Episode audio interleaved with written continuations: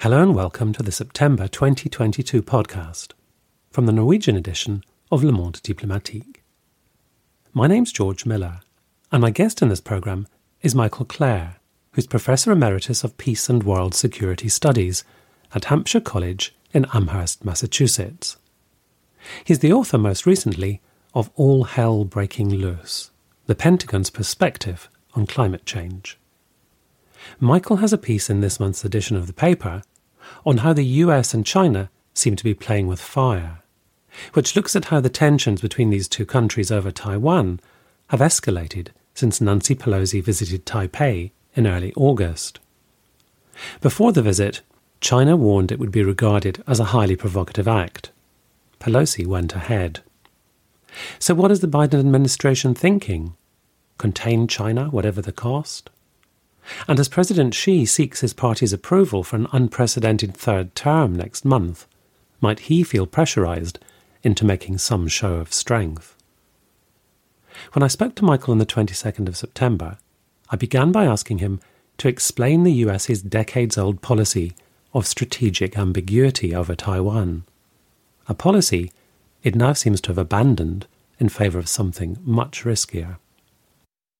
After the historic visit of President Nixon to China in 1972, I believe it was, uh, the U.S. negotiated with the Chinese over a period of time and finally agreed at the end of 1978 to establish diplomatic relations with China, with formerly with the People's Republic of China, led by the Communist Party of China, switching its uh, recognition from the government in Taiwan, formerly called the Republic of China, which the U.S. had recognized as the government of all of China, because both the government on Taiwan, the Republic of China, and the government in Beijing, the PRC, claimed that all of China included Taiwan and the mainland.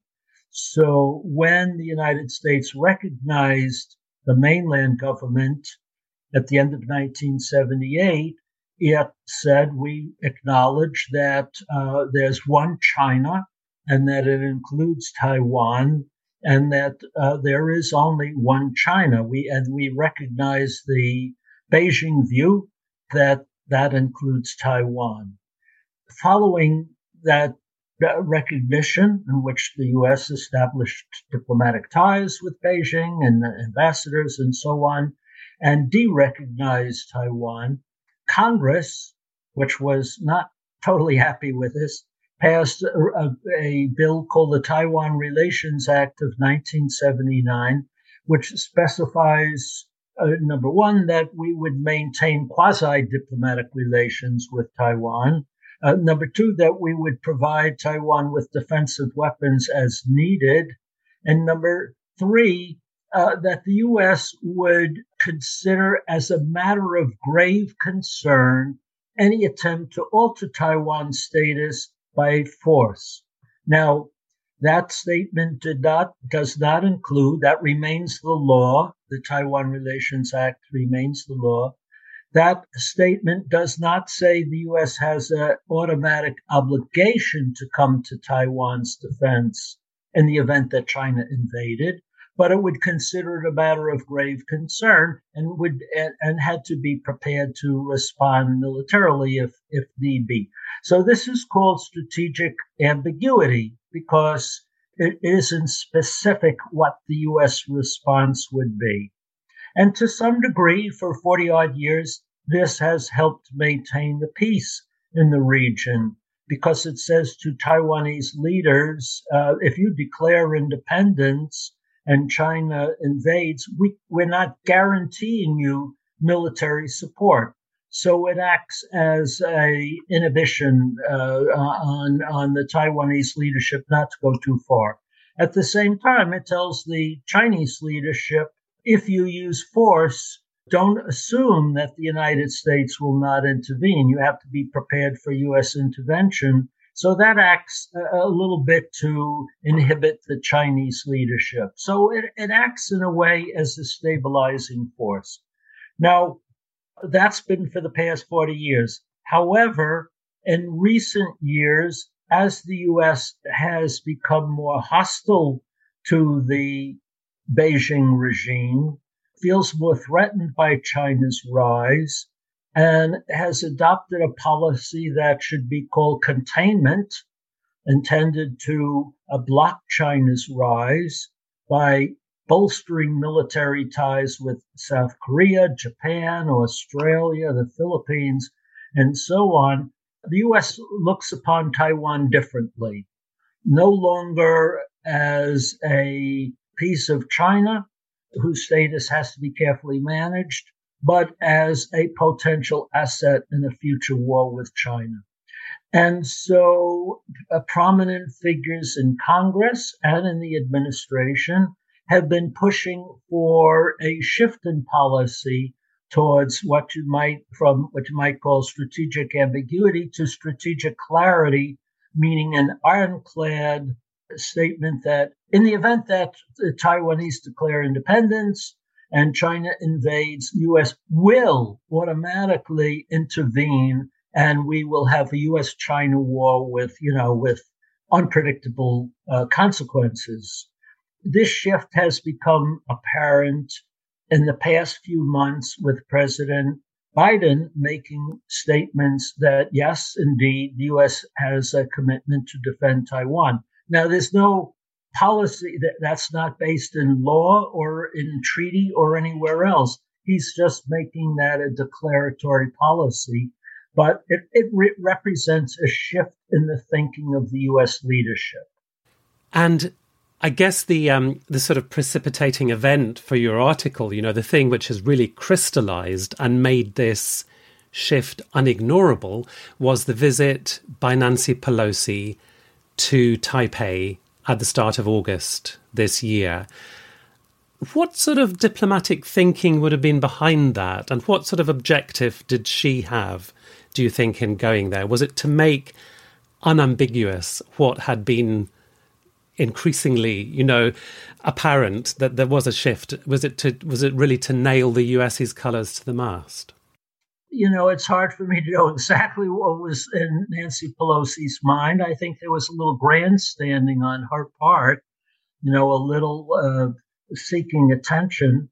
She's maybe facing the last months of her reign as House Speaker, and this was an incredible stunt, if if I could put it that way. It got her a lot of attention. I think partly her intent was to push the administration further down the path that I've described of declaring a policy of strategic clarity that the U.S. will come to Taiwan's aid.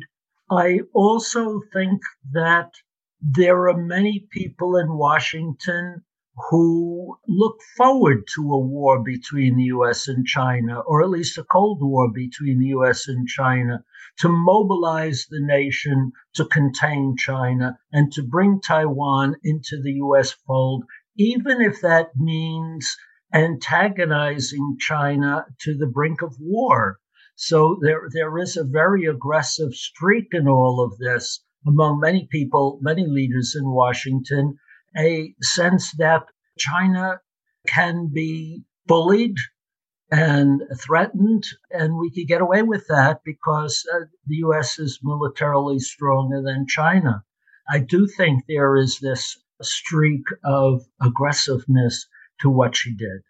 So she clearly did it in full knowledge of just how inflammatory it was going to be. That was that that was no accident or byproduct. I mean, from what you're saying, it was almost like the primary intention was to, to was to goad China. So, how has China reacted? Has its reaction been within the, the bounds of predictable, or has it do you think it's sort of gone further, perhaps, than might have been expected? Because there there have been responses both sort of rhetorical from politicians, from President Xi, but also militarily in the mobilization of troops and movements, and and so sort of practical things happening on the ground. So, how do you sort of frame that response from China? Is it is it exactly what what you would expect from someone who studies um, uh, international geopolitics? Again, you know, it's a, it's hard to calculate this. I would say that there was a lot of noise and thunder from the Chinese military response. They've sent a lot of ships and planes into the air and into the sea and waters around Taiwan. It's certainly very threatening, and they have kept it up. We keep track of that at our website, sane uh, uschinapolicy.org. We keep track of these maneuvers on both sides. And the Chinese have kept up their maneuvers on a daily basis, sending ships and planes across the median line in the Taiwan Strait between China and the island. So they're certainly keeping up the pressure, but no shots have been fired. There was one missile barrage on August 2nd. I think that was the peak of their military response. And that was pretty threatening. I mean, they were going to do something, and the missile barrage was an example of that. But it was six missiles all told, and they haven't repeated that. So I think this was more for domestic show than for anything else, because there had been criticism of Xi for not taking a tougher stance towards Pelosi's visit. There were calls on Chinese social media for China to prevent her from planes from landing, which would have provoked armed conflict for sure. And, China, and Xi did not do anything that da- dangerous or provocative. So I think the missile firing and the maneuvers are a lot for domestic consumption in China. I think they're also aimed at the Taiwanese leadership because I, I think in all of this, I think we, we should make this point very clearly. The Taiwanese people's views are not necessarily being consulted in this conversation. Pelosi certainly attracted support from a part of the population that's keen to declare independence at any cost, thinking that the U.S. will come to their support. But I gather from polling data that most Taiwanese people prefer the status quo of strategic ambiguity. They don't want to become a flashpoint for a world war uh, because they know that Taiwan itself will be obliterated in the process and they'll all be dead. Because that's the likely outcome of a war over Taiwan. That'll be the focal point of all of the violence. So uh, most Taiwanese do not want to see a war um, and would prefer to keep things uh, at a calmer level. That is my impression from the polling data. So I think that, that the Chinese response, uh, verbally and otherwise, has not been aimed so much as uh, to the U.S. public and the U.S. leadership as to the Taiwanese. And they're saying, you know, on one hand, we have the capacity to attack you if we choose, but that's not our first choice. what we're saying is do not make a dramatic move. Do not make a provocative move. Do not declare independence. Stay the course, you know, and maybe down the road we can have peaceful re- reunification and, and this problem will go away.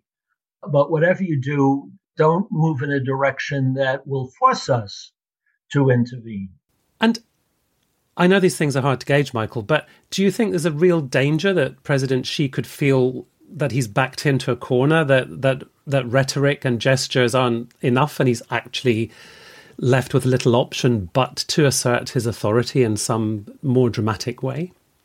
Yes i, I think that's absolutely possible. And I, I think that's the intent that was the intent of nancy pelosi's trip in a way was to increase the pressure on him to embarrass to humiliate him it was very humiliating of Xi to have this American leader brazenly come to Taiwan after Xi told Biden a few days earlier, "Don't let her go. This would this would be crossing a red line, and we would find it to, to be very uh, hostile act." And she went nevertheless.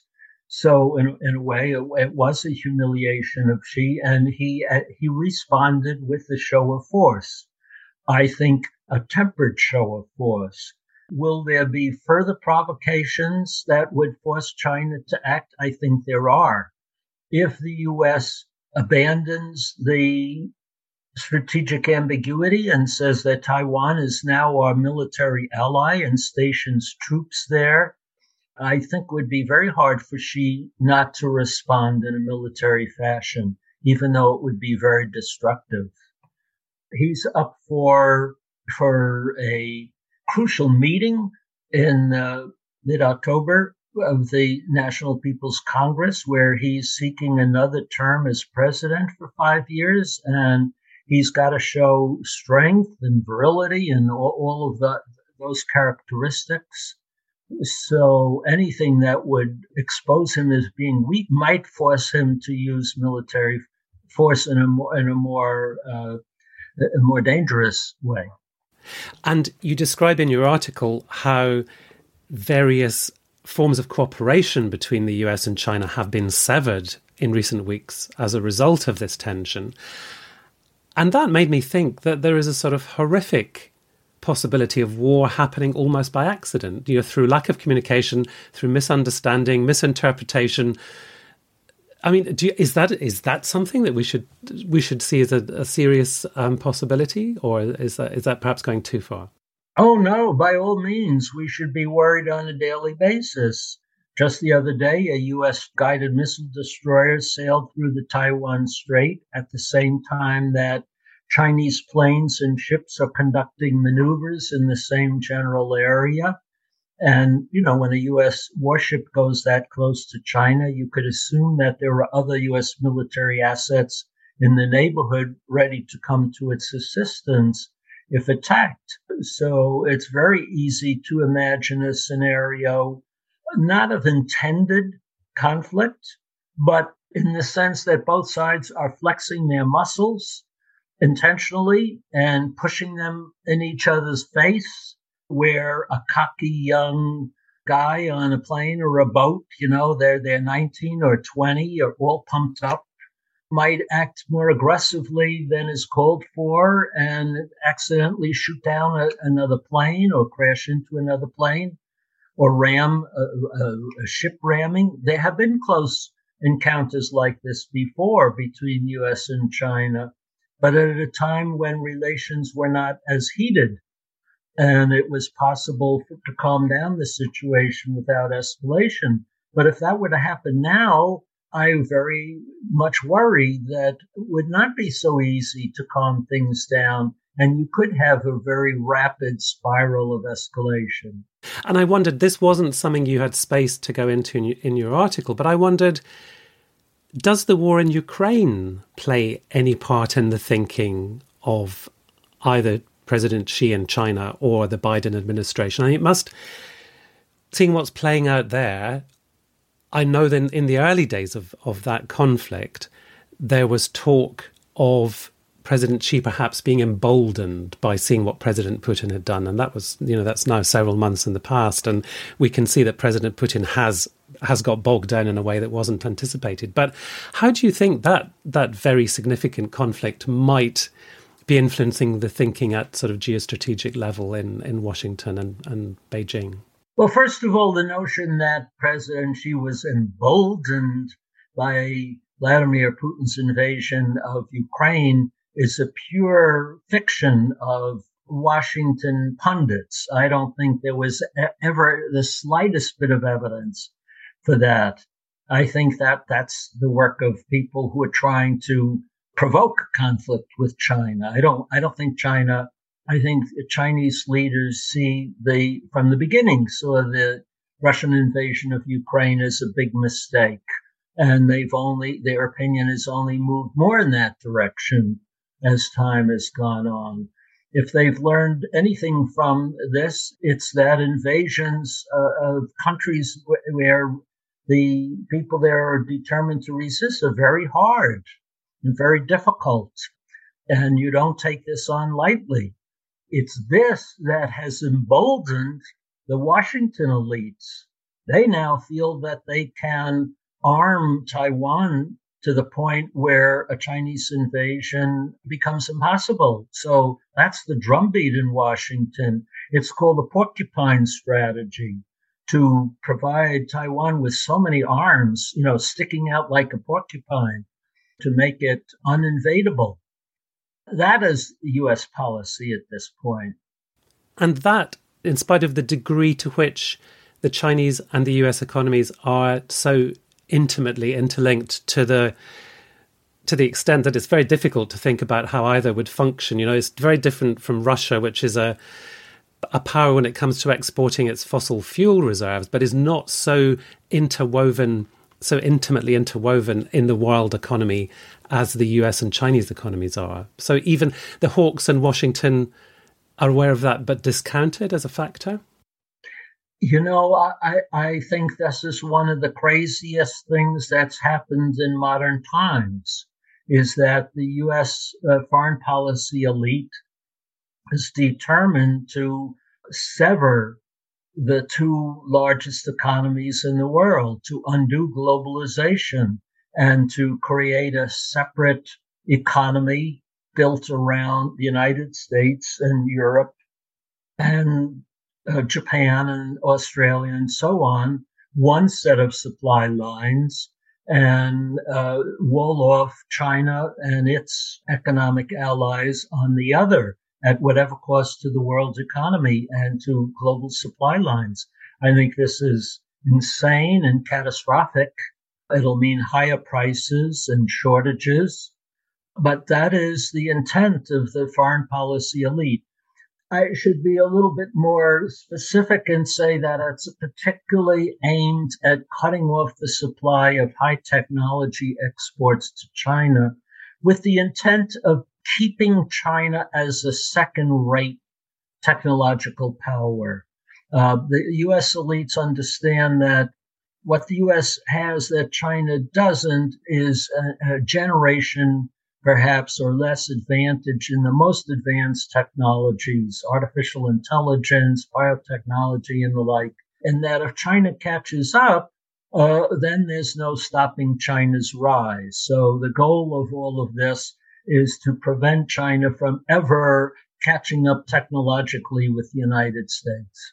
And Taiwan, of course, we should remember is highly important as a center of the the global semiconductor uh, industry. So it's it's got great significance in that in that regard that you've just outlined. Yes, I, I mean there, there, are many who argue in Washington that Taiwan deserves special protection, a special status, precisely because of its critical role in supplying semiconductors to the U.S. But Taiwan supplies more semiconductors to China than it does to the United States at present. Uh, and there are many in Taiwan who want to maintain that those economic ties with the mainland. So uh, this is one of those forces that's arguing against a new Cold War.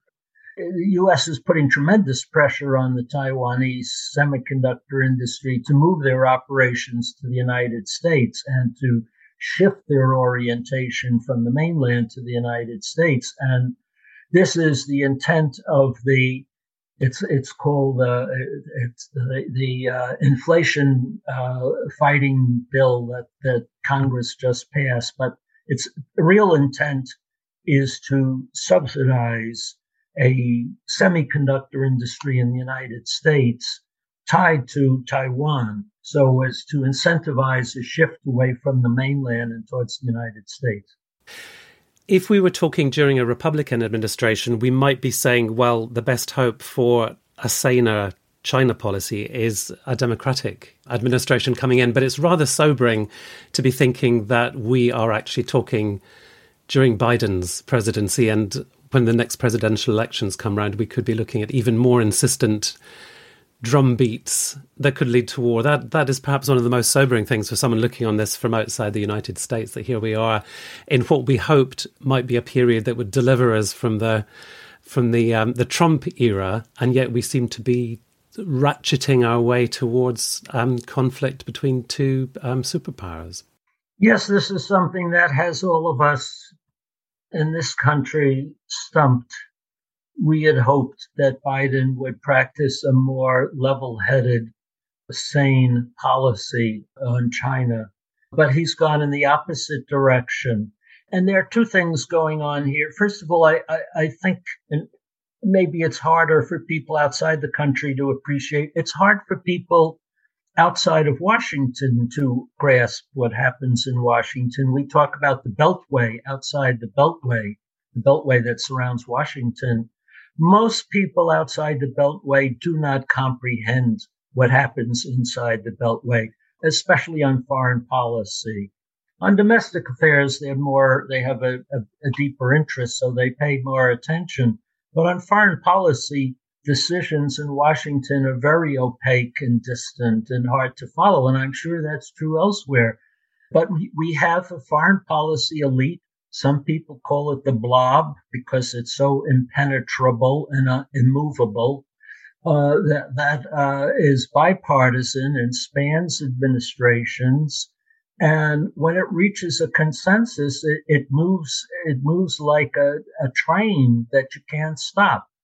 And during the Trump administration, the blob came to the conclusion that, that a rising China posed the greatest threat to America's future supremacy. And that pushed everything else aside. The global war on terror was pushed aside, and even Russia was downgraded as a threat. So, uh, if you want to understand Washington American foreign policy, it's China, China, China, China all the time. And the war in Ukraine, whatever Biden might say, behind the scenes, they're not thinking about Russia and Ukraine. They're thinking about the impact of Ukraine on China, on Taiwan and China. And this is a unified blob a unified foreign policy establishment. So it doesn't matter who becomes the next president. The blob will continue to push this line because this represents the thinking of the power elite in the United States. They do not accept the notion of China as an equal status, equal competitor to the United States. But on top of this, President Biden is adopting the same policy as the Trump administration. But he wants to put a gloss on this that this is all in the name of democracy, that he is the leader of the free world in defending uh, a, democratic world against the autocracies and ki- kind of a language you would hear in President Truman's Cold War speech of 1947 and 1948, the same kind of grandiose statements. I think he's been taken with this notion of being the leader of the free world, that this is a great movement of democracies. Of course, he goes to Saudi Arabia and it, it includes Saudi Arabia in this alliance of democracies. But that aside, uh, this this gives a certain space for his his cohorts in the Defense Department and even in the White House. Jake Sullivan, the National Security Advisor, and Antony Blinken, the Secretary of State, who are real China hawks, to to push this strategy of containment with great vigor. I was speaking to Michael Klare, whose article on the US and China playing with fire over Taiwan is in the September edition of Le Monde Diplomatique in Norwegian. It's available to our subscribers and also on sale on newsstands across Norway and Denmark. Subscribers can also access it and the complete archive of the paper online at www.lmd.no. If you're not yet a subscriber, there's plenty of open access content online to entice you to become one. In the words of John Berger, why read LMD? to make sense of what's happening in the world behind the misinformation.